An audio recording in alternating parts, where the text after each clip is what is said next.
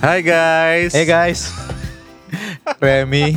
Hey guys, hey guys. Uh, udah pure, udah true vlogger dan youtuber. Tapi ya welcome ke episode ke-6 Keenam. uh, di Brighter Days of uh, well Brighter Days podcast because we believe in, In Brighter brighter Days days for your life, life and, and leadership. Rem episode ke-6 nih dan uh, kita mau say thank you kepada semua teman-teman yang udah nonton di YouTube atau dengar di podcast dan subscribe di podcast. Uh, terutama untuk teman-teman yang thumbs up, nge-like dan juga yang kasih komen. Uh, believe us kita, uh, you know, kita baca semua komennya. Ya, Uh, thank dan uh, nggak hanya yang komen tapi yang kenal yang uh, WA, Ya, DM juga Uh, di yang DA, DM di Instagram, yang Instagram. kasih uh, semangat. Thank you so much. Uh, kita nggak expect sebegini cepat ya uh, uh, reach-nya. Thank you untuk teman-teman yang udah share dan yang kasih masukan. Uh, thank you untuk yang kasih masukan. Iya, dan masukan-masukannya itu sesuatu yang kita nggak sadar gitu. Cuma eh, jadi benar-benar feedback yang sangat bagus Iya, untuk iya. kita bisa improve ya. Ya banget banget. So uh, semua kita uh, tampung ya uh, dan hopefully dalam episode-episode ke depan kita akan perbaiki uh, lagi podcast ini. So again thank you for believing in us dan uh, ya semoga kontennya terus berguna. Anyway Rem, gue sempet uh, lupa mention di episode yang lalu uh, gue turun 8 kilo. Iya, oke.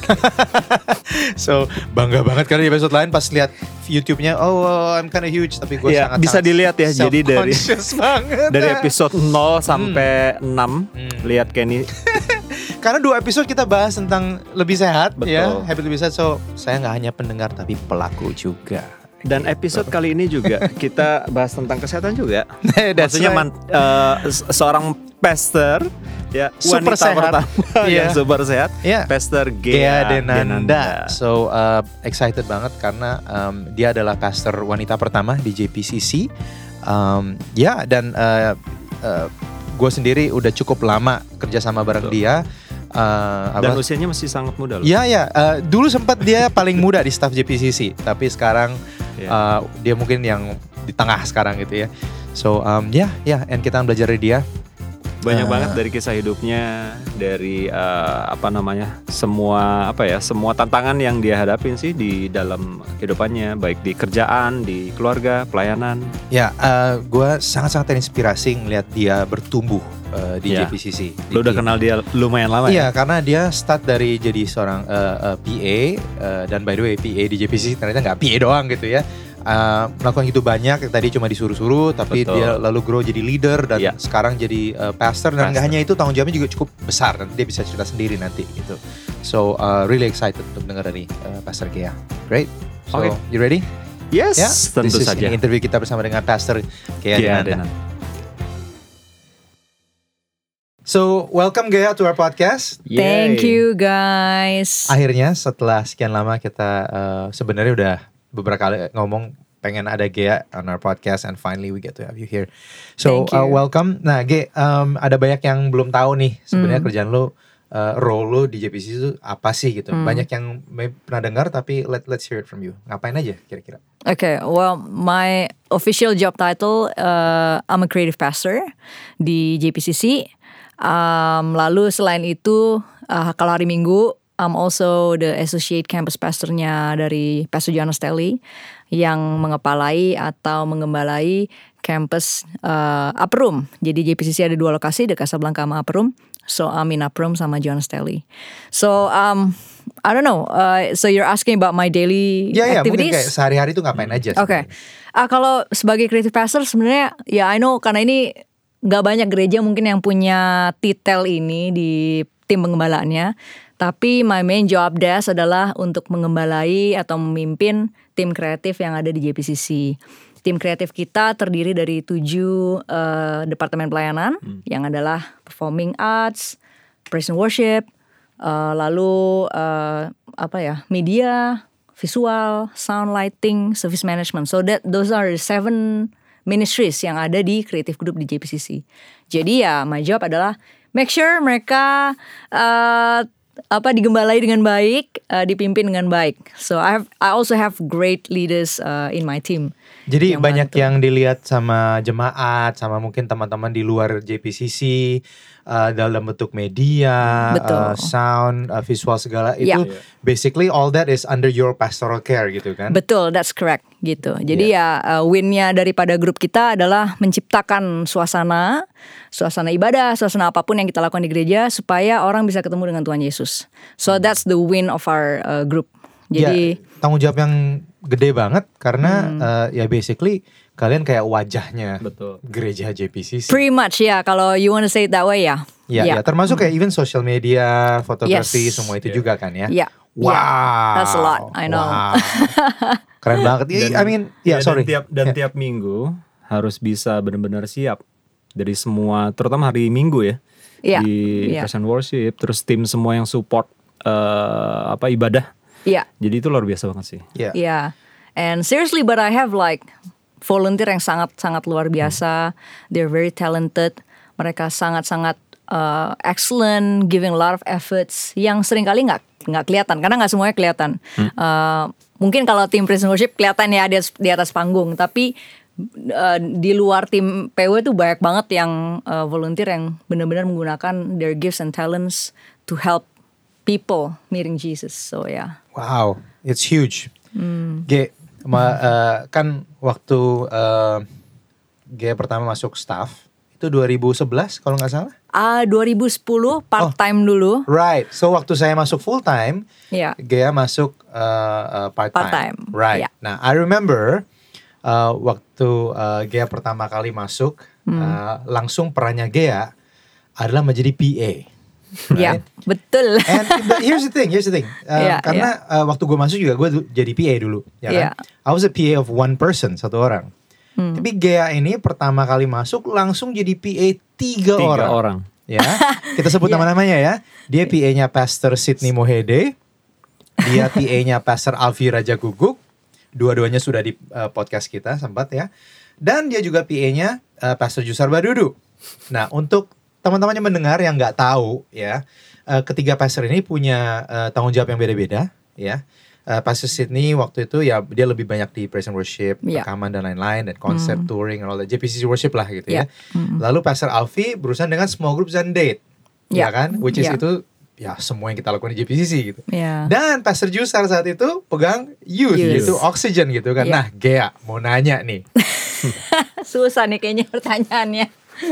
What was it like kamu handle tiga departemen eh tiga pastors berbeda dengan kepribadian yang berbeda. Hmm. Tiga departemen it, eh, itu dan I'm just jujur ya dari dari from day one kayak salut banget sama Gea. Nah, dari tadi gue ngomong terlalu banyak, gue mau denger ceritanya Gea pengalaman dari situ sampai ke sini. Kira-kira, can you tell us a bit? Wow, that's a big question. It- it's an interesting question karena Yeah. karena saya jujur, jujur uh, a lot of respect dan kagum Mhm. bahwa um, uh, kamu bisa survive sampai hari ini. Coba cerita Wow, gitu. I don't know where to start. Tapi um, ya actually waktu 2000 awal, 2010 awal sorry, uh, itu mulai part time dulu dan itu handle uh, jadwalnya pas Sydney Mohede dulu sebenarnya nggak langsung tiga orang. Uh, along the way, uh, akhirnya waktu itu karena mau perpanjang kontrak uh, ditawarkan boleh nggak handle another two pastors yaitu Pastor Yusar dan Pastor Alfi. Jadi full time-nya adalah handle tiga orang uh, pastors. So ya karena dari awal memang hati saya I just wanna help really Uh, di mana pun posisinya apa pun yang harus saya kerjakan uh, saya hanya ingin melayani aja sih. Jadi kalau memang itu yang dibutuhkan why not gitu. So kalau ditanya gimana I really don't know gimana. I just try to do one thing at a time. Um, melakukan yang terbaik dengan apa yang di depan mata. Kalau itu mengatur jadwal ya I just do it. And um, memang tiga orang ini memiliki apa ya tiga area yang sangat berbeda. So I think I didn't really think too much about wow this is gonna be overwhelming. Uh, I didn't really think about that.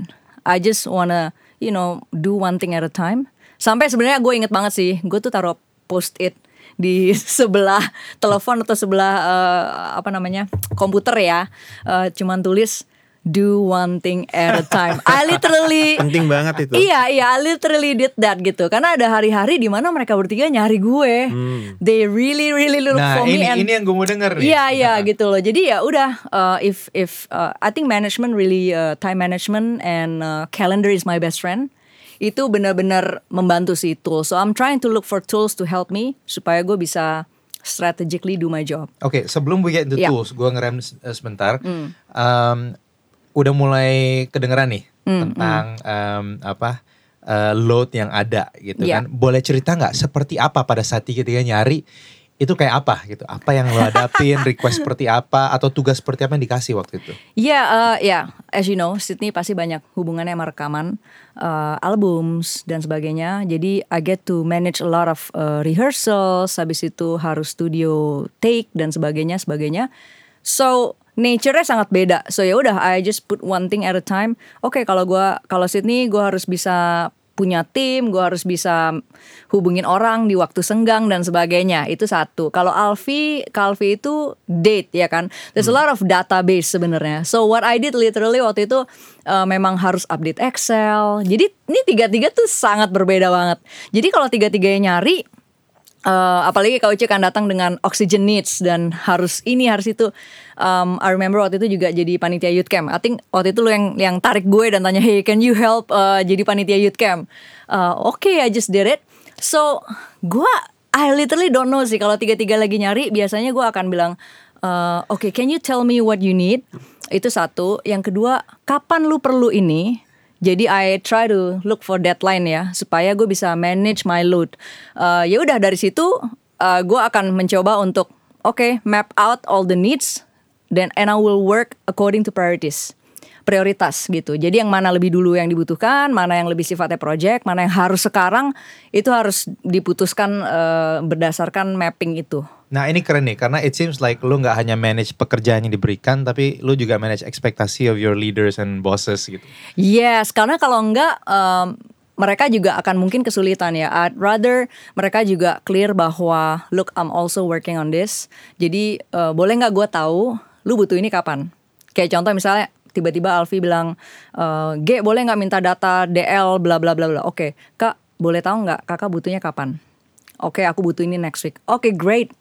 Ya udah, gue akan taruh keep that in mind. I'll put in my calend- calendar. Mungkin gue harus kerjain saat itu juga. Mungkin gue bisa kerjain itu besok. Gitu. So calendar and and notes are my best friend waktu itu. Ya gue dari tadi ketawa karena karena uh, sebenarnya waktu uh, lu bantu um, uh, pas Jusar uh, Hmm. with Oxygen, gue juga sebenarnya belum officially di timnya youth gitu. Betul. Jadi betul. I'm laughing karena apa? Karena lu dulu ngerjain pekerjaan kita berdua nih.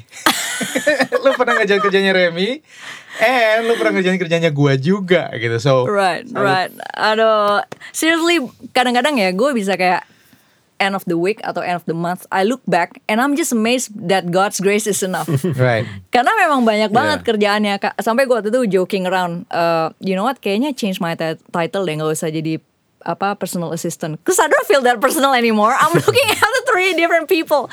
So ya change aja akhirnya diganti jadi pastoral assistant. assistant. That would yeah sound better.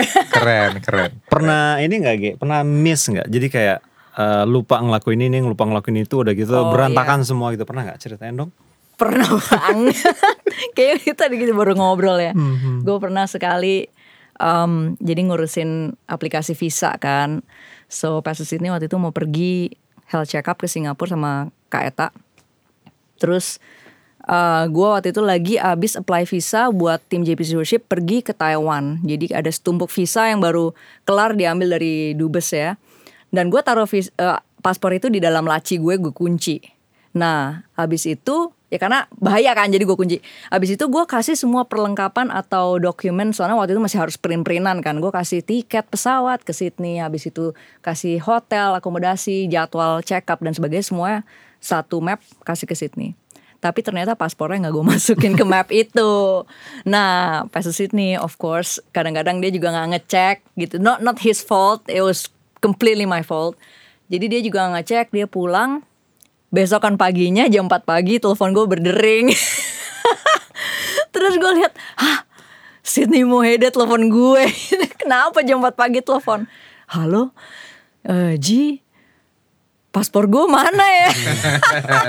Seketika itu juga gue baru inget, oh my goodness paspor dia ada di tumpuk paspor yang baru keluar dari dubes ada di kantor ya udah.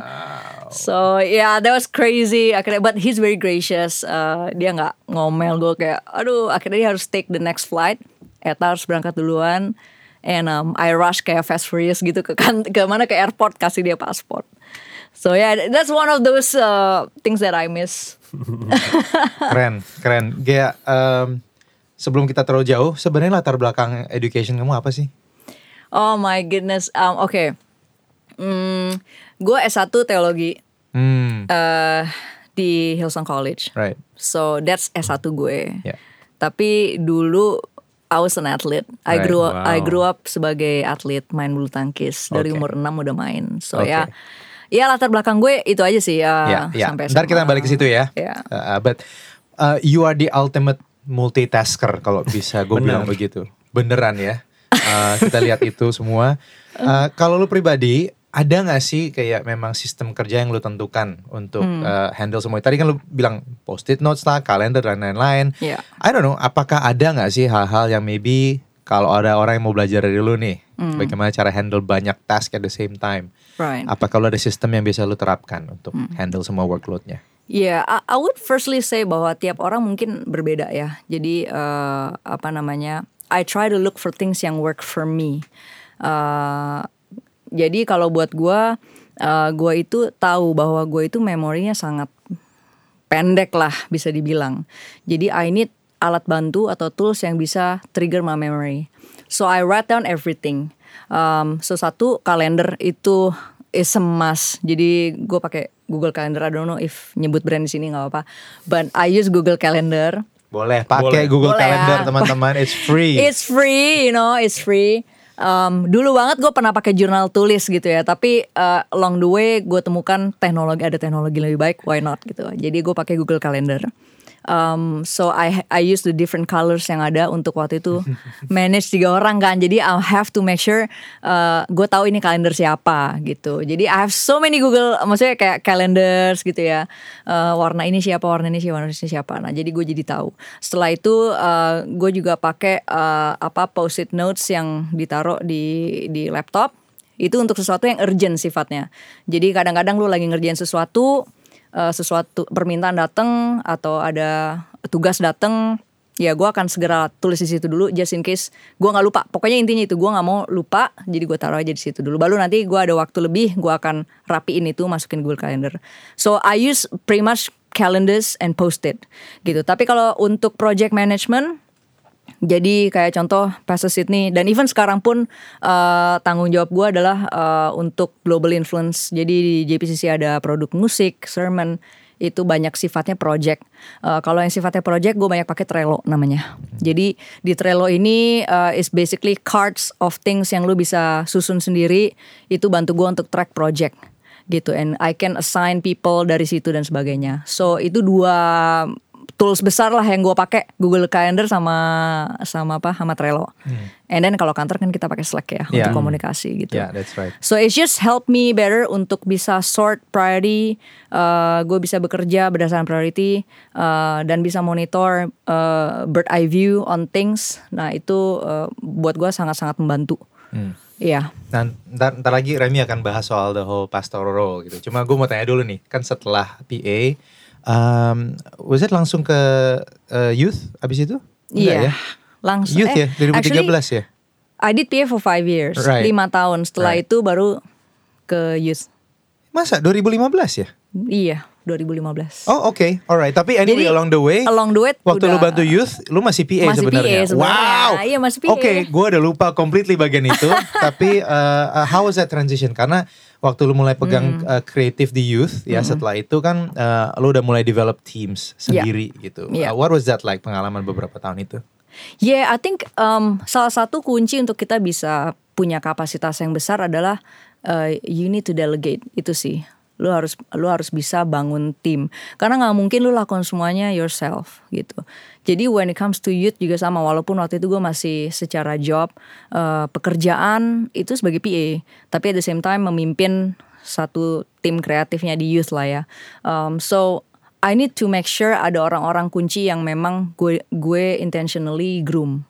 Uh, jadi that's how I juggle everything, pekerjaan dan juga uh, sesuatu yang di luar daripada job desk pekerjaan gue. Karena kalau nggak nggak mungkin untuk lakukan itu semua bersamaan. Uh, I need to elevate myself lah supaya gue bisa jadi peran yang bisa lihat dari, uh, dari bird eye view ya gitu and have people help me karena kalau nggak nggak mungkin What do you do untuk secara intentional increase kapasitas sendiri? uh, in terms of apa Anything, maybe you're learning atau uh, cara kamu belajar bagaimana, cara kamu, uh, I mean setiap fase pasti uh, ada tantangan baru. Iya Uh, you know, uh, how ap- apa how do you approach setiap tantangan yang ada gitu? Uh, bagaimana caranya lu sendiri maybe develop diri sendiri, uh, uh, kapasitas, knowledge atau Iya. skill yang baru gitu? How, how do you do it? Iya, uh, well reading is definitely harus. Memang suka baca juga Uh, ya? Iya, iya. Um, walaupun sebenarnya naturally gue bukan orang yang gampang baca sesuatu. Mungkin nggak kayak lu Ken yang kayak baca kayak cepet banget gitu ya. Sama gue sama sekali nggak. Uh, tapi I know that uh, ini disiplin yang harus dibangun. Uh, karena balik lagi kapasitas besar kapasitas itu pasti dimulai dari mindset. Itu itu jadi I have to challenge myself untuk perbesar cara pikir. Itu. Kalau yang lain akan bu- buat gue ya yang lain akan mengikuti. Itu itu satu. Eh, yang kedua gue percaya ketika ada atau tanggung jawab diberikan kepada gue eh, itu pasti akan membesar memperbesar gue jadi em, sering kali gue say yes dulu. Oh, sering kali. Oke. tanpa mikir apa gimana ya gitu. Maksudnya mungkin the fact that pada akhirnya gue dipercayakan harus handle tiga orang. On top of that, I still need to do other things. Um, I believe karena gue say yes dulu. Ah, eh, ini bagus nih. Coba boleh cerita lebih lagi tentang ini, tentang saying yes dulu. Iya. Itu actually mengembangkan kapasitas. Jadi lu nggak mikir gue bisa atau enggak, lu nggak mikir gue mampu atau enggak, atau maybe you don't think about ini passion gue atau bukan gitu. Iya, Lu actually say yes dulu. gue actually say yes dulu. Oke. Is there a reason kenapa? Iya karena balik lagi tadi eh, cara pikir ya. Eh, karena gue merasa bahwa oh kalau memang gue diberikan kesempatan berarti mungkin orang yang memberi kesempatan itu melihat sesuatu di dalam gue. Wow. Hmm, that's Uh, Wow, that's great. jadi uh, gak mungkin kan kita mempercayakan sesuatu pada orang yang uh, udah pasti nggak punya kapasitas itu. Mungkin ada bentuknya potensi, tapi itu kepercayaan yang diberikan. Wow. So I try to see it from that perspective. Um, at least gue coba dulu deh. Hmm, yes. Jadi gue say yes dulu, gue coba dulu. Kalau memang ternyata pada akhirnya, wah gila nih kewalahan banget and I need some help. uh, and I don't think I can do it anymore, there will be another thing gitu. Wow. Uh, karena gue juga ingat ada ada saat-saat ketika gue jadi PA, uh, waktu itu sempat kayak ada satu, salah satu hal yang gue diminta untuk lakukan. Dan memang di saat itu gue merasa wah ini ini gue udah kewalahan banget. Wow. gitu ini udah kewalahan banget dan akhirnya um, I said no uh, bukan karena gue nggak pikirin dulu atau gue nggak coba dulu gue udah coba. Gue udah coba dan pada akhirnya ternyata nggak optimal. Gitu akhirnya ya I have to sit down with my supervisor dan bilang "Ah, gue kesulitan nih. Gitu. Wow. Eh, sering nggak ada pembicaraan seperti itu? Hmm, sebenarnya nggak sering sih. Hmm. nggak sering. Cuman hanya beberapa kali aja. Oke. gitu. Oke. and and I'm glad uh, supervisor gue ya mengerti. Right. gitu. Uh, dan memang bukan yang nggak dicoba dulu udah dicoba. Ya, actually lu menunjukkan bahwa uh, lu udah put in effort, lu bercoba, lu mencoba, iya uh, dan ya uh, belajar dari semua itu kan. iya and actually gue sih sangat uh, grateful that I did say yes Hmm. first karena kalau nggak gue nggak akan pernah tahu kapasitas gue sampai di mana Ya, I was gonna ask, uh, ap- uh, apa uh, pernah surprise nggak? Ternyata gue bisa gitu. Oh sering banget, Wow, sering ya. banget. Yang tadi gue bilang gue kadang-kadang bisa lewatin satu minggu atau satu bulan, gue liat ke belakang kayak, hah, gue bisa lakukan itu semua. That's crazy. Kita yang ngeliat dari jauh kayak, kayak hebat banget.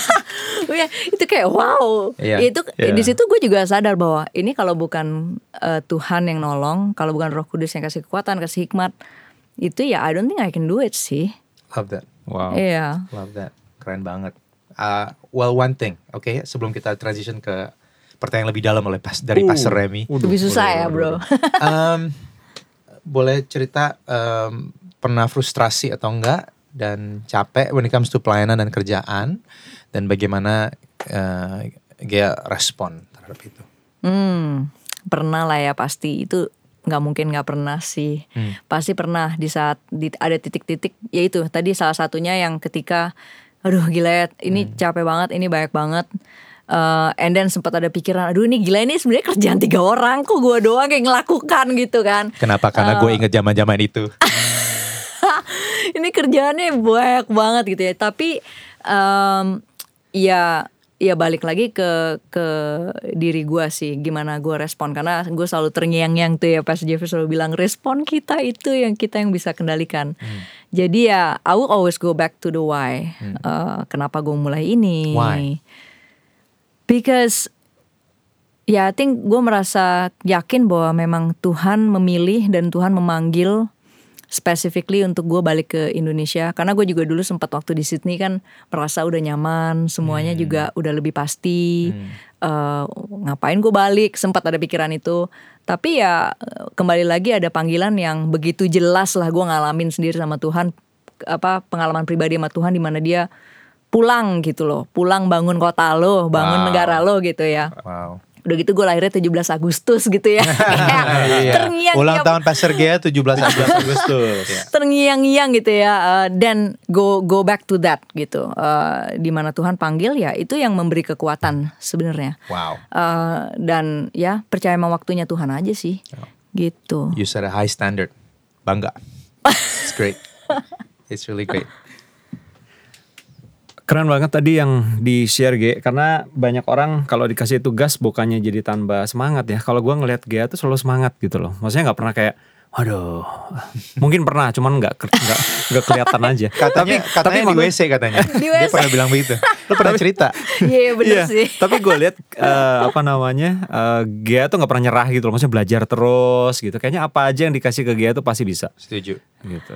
wow that's Oke, beneran ini that's a beneran. Compliment. kayak, thank you Ya, secara lu sadar intentional atau enggak, that's how kita melihat lu gitu Benar, kayak. benar. Wow, Gea is just Wow. like Iya dan iya dan terakhir nggak gampang ya untuk global influence project, which is juga wow kayak bisa juga gitu loh. Oke, nah hmm, gimana rasanya jadi pastor wanita pertama di JPCC? Ya, you're the first woman pastor. Wow. Karena di JPCC, uh, ya, I mean semua pastors yang uh, laki-laki ada, well, of course, ya, istri kecuali saya. Uh, at this point in time, okay? Guys. Yeah, but but uh, uh, apa mereka nggak nggak diordain sebagai pastors. Iya. Uh, and Gea adalah uh, wanita pertama di Wanita JPCC pertama. yang diordain sebagai pastor gitu. So, Gimana Ge? apa rasanya Iya rasanya. Hmm, iya banyak banget yang nanya gimana rasanya, gimana rasanya. Oh, apa ya? Sebenarnya ra- rasanya sih nggak jauh berbeda dengan sebelum diordain ya. Eh, ya tentunya ada nggak merasa lebih berat gitu kayak. Ah, enggak juga sih, nggak ada yang naruh batu gitu kan. Eh, tentunya ada beban tanggung jawab with the title kan tentunya ada beban tanggung jawab moral yang yang ditaruh ya di dalam hidup gua itu satu. Tapi di satu sisi lainnya gue selalu ingat ya kalau Tuhan udah memilih dia mengurapi ya dia yang memampukan. Jadi um, I'm not trying to make it as a big deal juga. Karena ya toh dari sehari-hari juga nggak banyak berubah. Uh, menggembalai pun sebelum tanpa titel paspor pun pastor pun udah udah menggembalai gitu ya, ya. dulu date leader ya. Uh, sempat sempat jadi date date leader. Facilitator juga. Date facilitator juga. Iya, uh, so itu udah peran menggembalai gitu ya. Uh, memimpin pun juga bentuk daripada penggembalaan sebenarnya. So I'm taking care pastoral uh, caring uh, my team itu juga sudah menggembalai. Jadi ya bedanya paling sekarang officiate weddings itu yang pengalaman pertama gua lah ya uh, me- apa memberkati, Memberkati nikah pernikahan. gitu. And It's really cool. I actually like it. I turn out really like it. So um, jadi rasanya ya nggak banyak berbeda sih sebenarnya. Ya nggak banyak berbeda karena memang sebelumnya Gia juga ya melakukan apa ya peran pastoral gitu, tapi tanpa eh, titel pas- pastor gitu ya. Iya, tapi dan eh, sebenarnya gue di satu sisi gue juga berharap sih ini bisa menjadi em, menginspirasi banyak wanita untuk bisa step up juga ya, kayak eh, come on, sebagai wanita eh, kalian juga bisa mimpin kok. I agree. So eh, and and Setuju guess what, Eh, jemaat Kristus tuh butuh suara wanita juga. Yes. Betul. Setuju. So uh, that's why I said yes karena I also know uh, ya Tuhan mungkin mau pakai gua untuk bisa menyampaikan hal itu ke semua jemaat yang wanita khususnya gitu. Dan itu alasan JPCC ada Treasures Women's Conference. That's Kita correct. kita nggak ada Men's Conference tapi kita ada Women's Conference ya untuk itu. So. Ya, ya. Mungkin boleh share juga Treasure Women Conference terdekat. Oh, iya benar juga nih. Oh ya, benar juga nih bisa dipakai buat Bener. promosi Iya. ya. Why not? Ya, Ya. so 6-7 September 2019 uh, kita akan ada TWC Treasures Women Conference 2019. Um, Ada siapa gonna be aja? fun. Um, ada banyak banget. Ada Lisa Befir gonna be speaking. Ada our own beloved pastor uh, apa uh, Angela Rahmat, terus Pastor Yose Carol, Hannah Carol, and the rest of the speakers. Dan yang keren adalah temanya apa? Temanya brave. Why? What's the message? So again, setiap hari setiap dari kita pasti ngalamin yang namanya fear. Kita ngalamin uh, uh, obstacles dalam hidup pastilah yang nggak mungkin nggak ngalamin tantangan. Um, ya sering kali dibutuhkan that that step step of faith di mana kita bisa berani. Uh, karena sering kali uh, itu potensi tetap jadi potensi potensi karena kita nggak berani langkah gitu. So um, Gak berani say yes tadi Gak berani ya. say yes, betul. So Tuhan punya rencana yang besar, tapi butuh kesediaan kita untuk say yes, berani melangkah kepada apa yang Tuhan memang sudah rencanakan dalam hidup kita. Keren. Ladies, So- ditunggu kehadirannya di Yes, Treasures. we only have like 400 Berapa lagi? Ada 400-an 400. spots left. Oh, wow. So uh, better lagi. be fast. Ya, ya, dan ini bukan untuk semua uh, Semua kalangan. kalangan ya. Iya. Gak hanya JPCC aja. Gak hanya semua. JPCC, tua, muda, Awesome, great. uh, semuanya berasa muda sih. So Dan kalau mau daftar atau tahu lebih banyak bisa ke mana? bisa ke www.treasuresconference.com Boleh ulangi sekali lagi? www.treasuresconference.com Oke. Lumayan ya bisa jadi radio announcer gue Lumayan, lumayan. Nah, Ge, em, eh, tadi kalau ngomong soal eh, kapasitas ya, dan sekarang jadi pastor. Terus Ge juga eh, seorang ibu atau seorang mama dari eh, anak ya, dari Judah yang sering juga main ke kantor ini. Suka main ke meja suka Om main ke meja gua. Umur berapa? Umur berapa? Umur berapa? Bentar lagi umur 3 Agustus umur 3 Nah tantangannya itu kayak gimana tuh Ge? Karena lu eh, kerja juga melayani, udah gitu lu Iya. jadi ibu juga, jadi pastor tuh. Hmm, Boleh ceritain nggak apa sih tantangannya em, yang lu alami gitu ya? Ya, ya. Wow, tantangannya tentunya waktu ya, karena kan kerja 9 to 5. uh, on top of that ya mungkin ada meeting dan sebagainya. Hari Minggu juga harus uh, kita harus standby di gereja. Jadi ya hari Sabtu kalau nggak ada seminar ya berarti bisa main gitu ya. Jadi memang waktu adalah tantangan terbesar gue. Uh, sebagai ibu uh, yang bekerja ya bisa ya harus jujur ya jujur pasti ada rasa guilty juga sih. Kadang-kadang harus ninggalin anak uh, pulang malam dia udah tidur. Um, itu tantangan terbesar gue. Gue sering kali kadang-kadang ngerasa ada guilty feeling itu sih. Nggak bisa ada buat anak gue senantiasa atau lebih sering gitu ya itu sih tantangan gue Nah, gimana caranya ngadepin tantangan itu? Karena banyak ibu yang menghadapi juga. Mungkin nggak semuanya di dalam konteks pelayanan ya, tapi wanita karir, ibu yang Ya. punya bisnis gitu loh. Iya Gimana selama ini lu ngadepin itu? Ya, um, again gue mencoba untuk mencari cara melakukan yang terbaik uh, di dengan waktu yang gue punya. Uh, waktu itu gue sempet sih ngobrol sama Pastor Sydney ya, karena dia juga orang yang sangat sibuk. Dia travel banyak banget ke mana-mana, um, dan waktu dia sama keluarga juga sedikit. Um, ya, jadi waktu itu gue sempet tanya sama dia gimana caranya jaga, karena dia tetap dekat sama anaknya. Anak-anaknya sangat-sangat deket banget sama dia. Jadi gue pengen cari tahu gimana sih caranya. Dan waktu itu gue inget dia kasih uh, advice ya. You know what? Um, it's quality over quantity. Jadi pastikan ya kita memberikan kualitas yang terbaik dengan apa waktu yang kita punya di tangan kita. So kalau misalkan uh, gue hanya punya waktu satu jam ya make sure itu satu jam yang terbaik yang gue bisa kasih ke anak gue so instead of pulang main sama habis itu main handphone dan mungkin I can put aside my phone untuk bisa main sama Judah gitu interaksi bener-bener engage sama dia ya um, ya walaupun kadang-kadang kita suka kan instastory bareng tapi itu itu sebenarnya bentuk Eh, sesuatu yang Judangunya. Judangunya ya Cuda. Cuda. Ya, hashtag. Cuda, Cuda tuh chewing Juda ya. Jadi um, so waktu walaupun seperti itu ya kadang-kadang instastory tapi itu sesuatu yang dia nikmati juga. Yang kayak dia juga ketawa-ketawa gitu ya karena bahasa bahasanya anak-anak itu kan ketawa ya ketawa itu dia seneng. So um, itu sih gue prinsipnya adalah mencoba untuk memastikan dengan waktu yang gue punya berapa waktu pun itu uh, gue maksimalkan gitu. Ya so far sih puji Tuhan uh, anak ini uh, masih mengenali mamanya. Gue nggak dipanggil tante gitu ya nggak dipanggil anti. Um, gue melihat kedekatan itu masih ada.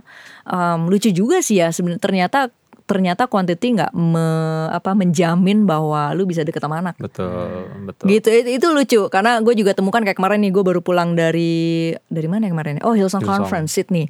Uh, dan gue temukan waktu ketemu dia bener-bener hug me, dia bener-bener engage dan gue nggak merasa dia kayak nggak kenalin gue atau nggak peduli sama gue. Tapi gue juga tahu karena tiap hari gue juga invest waktu untuk FaceTime sama dia, video hmm. call, gue cari yeah. dia sebelum sebelum tidur walaupun gue di Sydney, gue berdoa bareng sama dia, pakai video call gitu. So ya, yeah, I hope itu ya kita sering lihat mm -mm.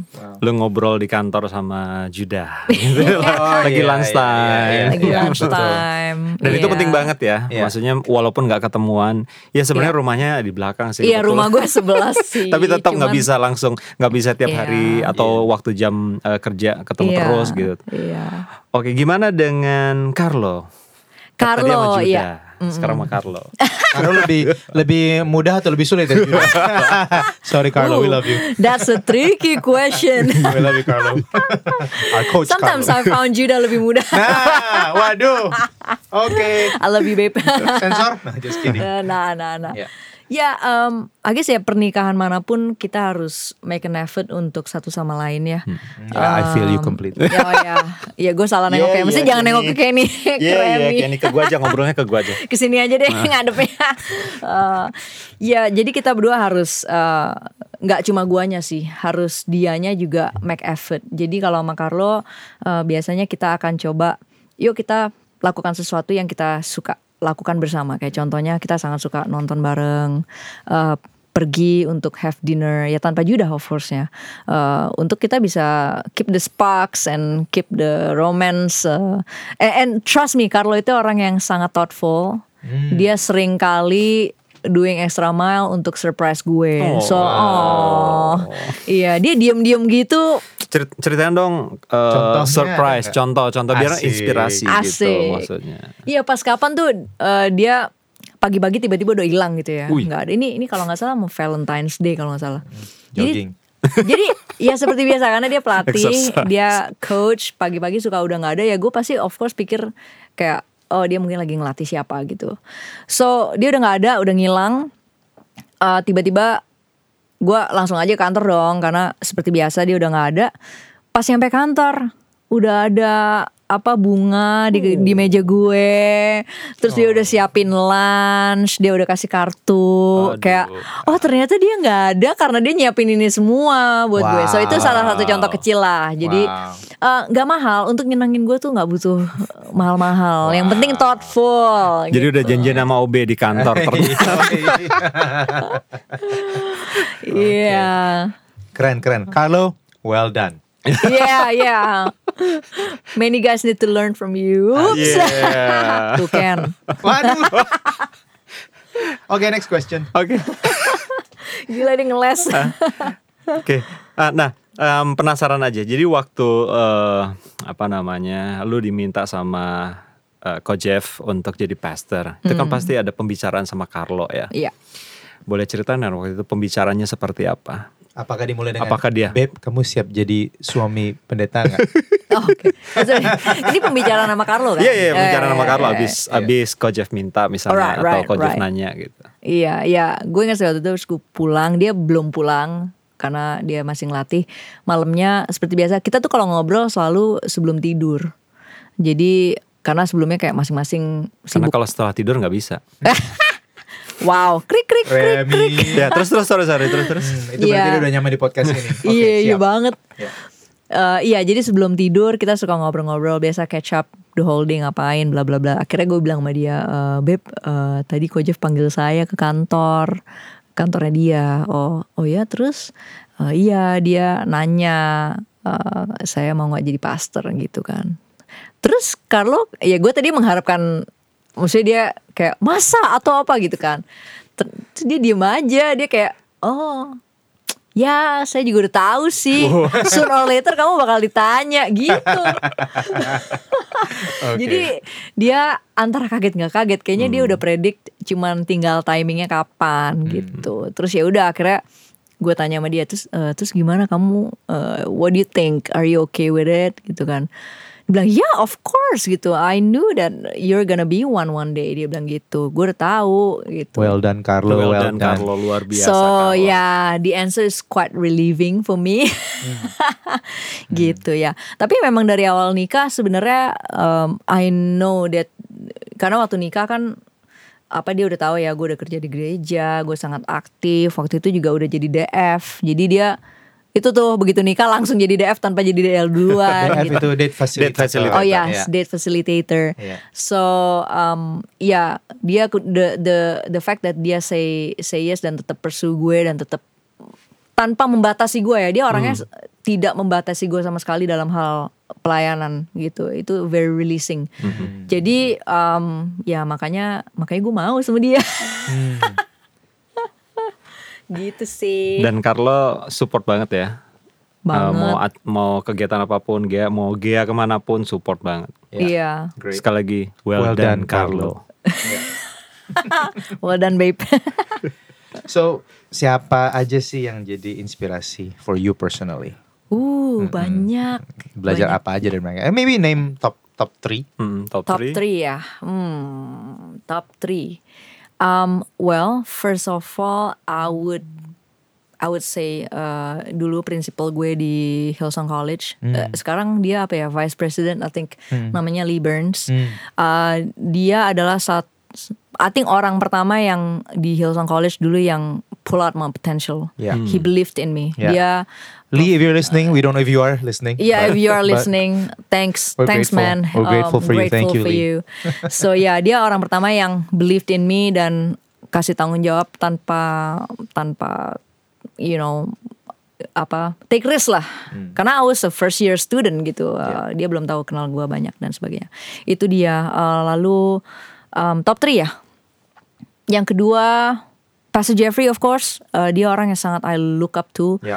karena gue tuh tahu Pas- Pastor Jeffrey dari tahun 2005 2006 gitu ya Eh, karena gue inget banget waktu itu dia seorang senior pastor yang rela ngantri-ngantri di Hillsong Conference ini zaman belum ada connection terlalu banyak sama Hillsong ya. Ya. dan and I heard about the story dia uh, generously kirim timnya untuk belajar orangnya selalu mau belajar and I get to interact with him personally.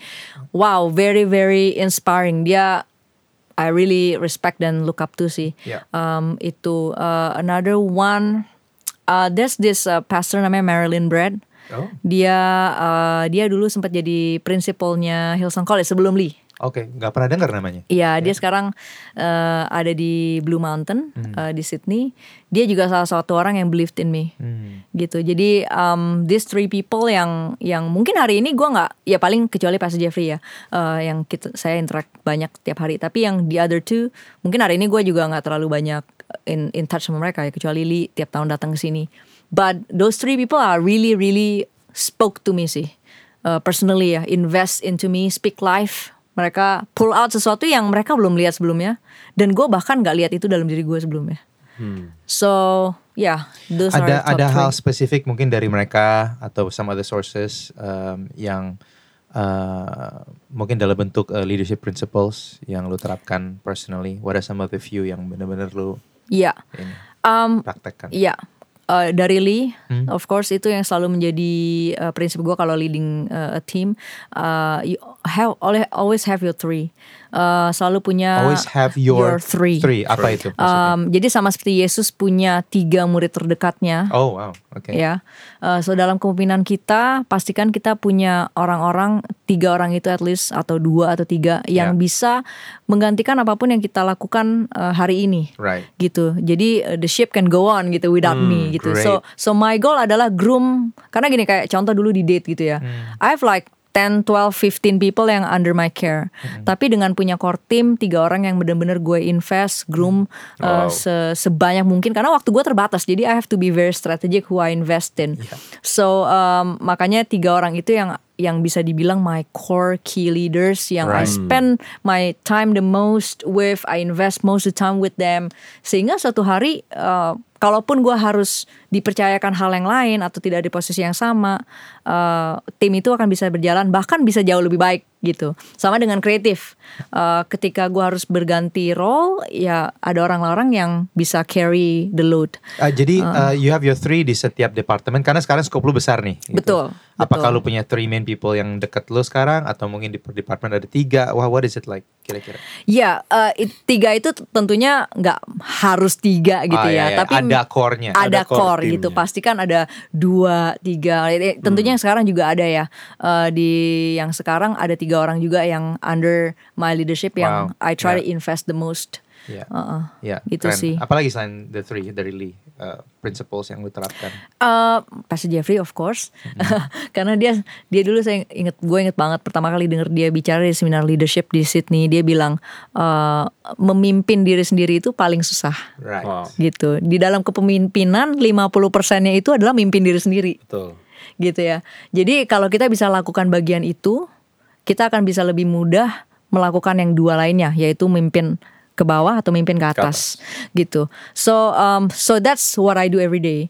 Uh, gue pastikan gue bisa mimpin diri gue, Hmm. karena sama halnya dengan gue mengajarkan kepada tim gue. Kadang-kadang orang melihat titel leadership tuh kayak serem banget gitu ya.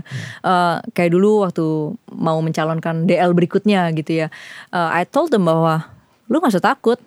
Selama lu bisa pastikan lu bisa jadi teladan yang baik, mimpin Ya. diri lu sendiri. Iya. That's half of the job done gitu. Iya, betul. Uh, karena orang kan lihat kehidupan Betul kita ya banget. lebih daripada titel kepemimpinan kita That's great, gitu. So teladan itu yang kasih bobot kepada apa yang kita ngomong. That's great. So itu aja sih uh, kepemimpinan sesimpel itu. So itu I get it from Pas Jeffrey. Oke. Dan yang terakhir dari si apa? Yang the third one? uh, Marilyn Brad. Ya, anything? Um, salah satu hal yang gue selalu ingat dia dulu ngajar bahwa uh, about condition of the heart. Oke. Ya, dan itu mengenai yang uh, ada ada benih tertanam di empat different uh, Iya, eh, lands tanah, iya, tanah, ya. tanah. Uh, condition of the heart is always something yang gue harus jaga. Hmm. Gitu. Itu tanggung bukan tanggung jawab orang lain, itu tanggung jawab gue. Wow. Jadi uh, bayangkan lu bisa datang ke sebuah pengajaran, lu bisa walk away with completely different response Wow. gitu. And I al- always want to be the person yang apa pun yang diajak, apa pun situasi gue, ya gue memastikan tanah gue, hati tanah gue itu tanah yang subur. Itu aja sih. Um, and I will always choose life itu. So jadi ya mau orang bilang, wah hari ini preachingnya sucks atau apa gitu ya. Eh, And to be honest ada orang-orang yang, yang yang bilang, tapi I'm trying to get, oke Tuhan, Tuhan lu mau ngomong apa sih sama gue? Ya. Personally, what do you want to speak to me? Yeah. Pasti lu pakai orang ini untuk Ya, ya, ya. bicara Ya, gitu. terutama orang-orang So- yang berkata, "Man, this podcast episode sucks gitu ya. Jadi tetap mau terbuka dan dengar dari Tuhan. Ya, I think itu yang selalu uh, jaga hati itu satu hal Hmm. yang uh, apa apa namanya itu PR-nya kita lah sebagai pemimpin. Ya. Karena ya insecurity can creeps in anytime Yes, gitu. Yeah. it's true. Uh, dan once kita insecure, wah itu efeknya akan domino efeknya akan akan jelek banget gitu. Hmm. Bener banget. So yeah, and one of the things yang I really inspired from our leaders, uh, Yeah. pas Jeffrey, pas Jose, mereka orang yang sangat sangat sangat sangat secure. Ya. Iya. Itu sih, Um, dan itu menginspirasi gue untuk do the same ya. Selalu be secured. My my identity is not uh, in my title. You know, suatu hari mungkin gue nggak akan lakukan apa yang gue lakukan, and it's okay. Ya. gitu it's okay. Ada orang lain yang bisa lakukan lebih baik that's great gitu. Malah gue bangga banget gitu. Jadi um, ya I have to make sure uh, dengan itu. Would it be okay for me if I don't do what I do today? And I hope jawabannya bisa selalu iya gitu. So itu sih tiga hal. Luar biasa.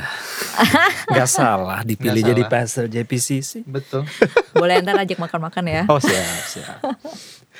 Oke, eh, nah em, tadi balik balik lagi dikit ya. Tadi Gia cerita sempat jadi atlet. Atlet apa tuh Ge? atlet bulu tangkis Oke, dulu boleh cerita sedikit di masa-masa itu apa yang terjadi? Eh, Kok masa bisa sampai nih? jadi Iya, kok bisa jadi atlet bulu tangkis? Dulu atletnya di mana? Gitu, Ya. Mainnya di mana? Oh, Sampai Oke, level mana? oh well, gue mulai main bulu tangkis umur 6 tahun. Wow. Jadi waktu itu kayaknya nyokap gue mencoba mencari kan olahraga buat gue supaya gue nggak gendut. Jadi dia kayak mencoba untuk main apa ya? Kamu sukanya olahraga apa? Bulu tangkis. Oh ya udah dimasukin lah ke klub. Um, so ya uh, dari enam tahun ternyata pelatih gue melihat bahwa gue ada bakat. Uh, jadi baru main berapa bulan, latihan berapa bulan dia udah suruh ikut tanding. Ya udah ternyata tandingan pertama ada prestasi juara bisa juara juara juara. So akhirnya gue teruskan main and I really love it. Uh, gue sangat sangat suka passionate about badminton. I played uh, sampai waktu itu udah tingkat platda sih. Sebenarnya sempat beberapa beberapa kali dapat tawaran untuk bisa masuk ke salah satu pusdiklat atau klub bergengsi lah di Indonesia. Cuman memang uh, waktu itu my mom nggak kasih karena uh, gue harus pilih nih either or mau sekolah atau mau persu bulu tangkis dan waktu itu memang sampai saat ini pun edukasi pun masih belum terintegrasi ya kalau sama sports di Indonesia.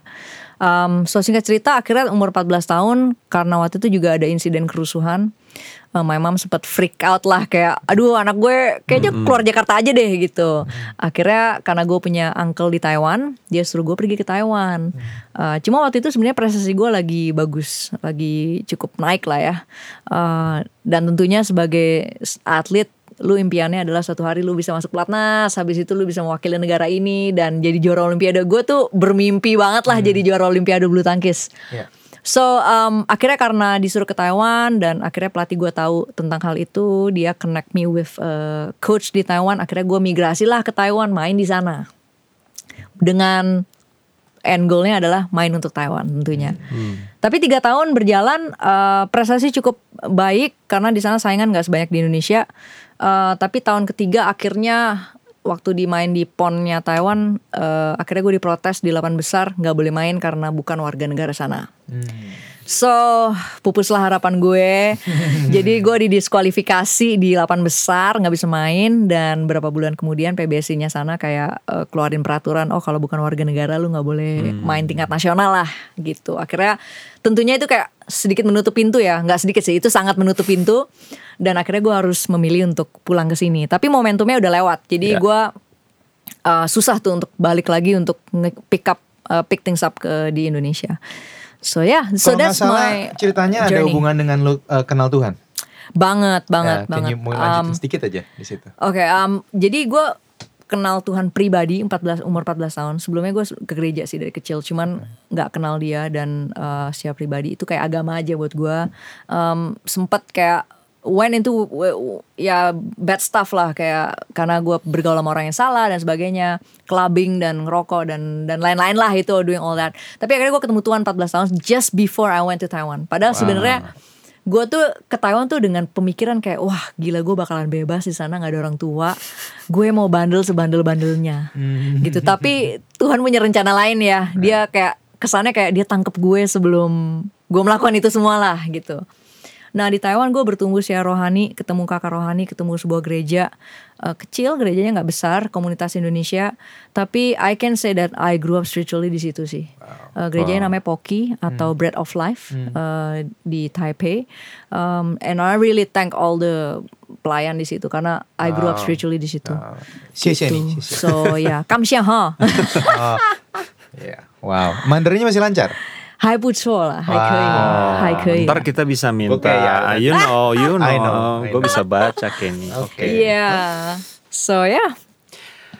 Luar biasa uh, ngobrolnya, um, belajar banyak banget. Yeah. Iya. Uh, apa namanya dari apa yang uh, Gia ceritain ya dari hmm. seorang atlet bulu tangkis, sekolah ke Hillsong, and then balik ke Indonesia, banget kan? jadi PA dan sekarang jadi pastor di JPC luar biasa banget. Gue yeah, sendiri garis, belajar ya. banyak banget yeah. untuk untuk itu thank you Gea uh, yeah. buat yeah. apa yang udah di share. Sebenarnya ini cuma ngetes doang sih. oh my goodness. Nah, it's an interview karena ke depannya siapa yang mau lihat Gea juga jadi co-host di Brother Days Gila, podcast yeah. ya kan? pokoknya. Ah ya gitu karena uh, kita nggak bisa selamanya berdua kayak gini Iya. doang gitu. Jadi Iya, butuh ditemani ya. that's right gitu. Jadi kita udah mulai dari guest-guest yang ada. Ini jebakan Betul. Batman kita banget nih. interview para uh, uh, uh, staff atau pastors yang Iya, kita butuh pendengar pria juga sebenarnya. That's right. Oh my goodness. Dan pendengar pria Ya, ingin mendengar ini- host wanita Betul. tentunya. But anyway, eh selama ini gue dengerin kalian loh. Iya, but here's the thing. Oke, sebagai closing, ya bisa nggak kalau Mandarin lebih lancar, udah masih lancar, uh, uh, nyebut uh, we believe in brighter days for your life For and life. leadership Wah, dalam bahasa gua belum Mandarin. siapin tuh. Oh ya sudah, apa gitu. ya, apa ya? Uh, woman. not woman woman ya woman ki, kami women, kita we gitu we we we apa ya apa ya uh, brother days brother days apa ngomongnya Gak tau lu gimana sih lu udah kan dari Singapura. Saya udah lupa completely Mandarin gue. So, Uh, untuk Blank yang banget. untuk yang mengharapkan uh, uh, kalimat dalam Mandarin Tui pu chi eh, Maaf Pu nen Punenjiang le. Punen uh, puejiang. Puejiang le. Ya. Aduh kita Cina banget ya podcast ini ya. But anyway. So thank you Ge. Thank you Thank you banget. banget. Thank you. Gea. Thanks. Semoga memberkati. Sangat Sangat. memberkati. We're blessed and we'll see you soon again on this podcast. Baik mungkin di kursi ini atau di salah satu kursi kami. Oh my goodness. Oke, bye guys. Thanks Ge. Thank you, Gia. Thank you.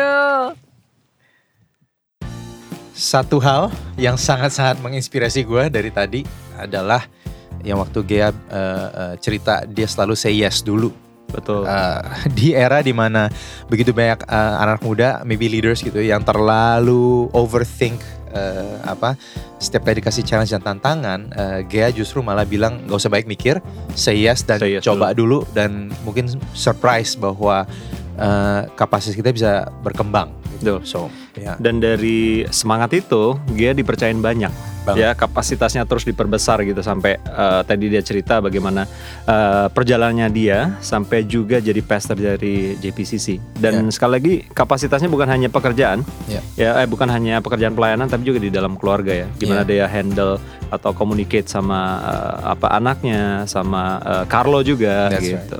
That's right. I mean buat buat saya again uh, Gea story itu selalu menjadi contoh buat Betul. banyak orang. Betul.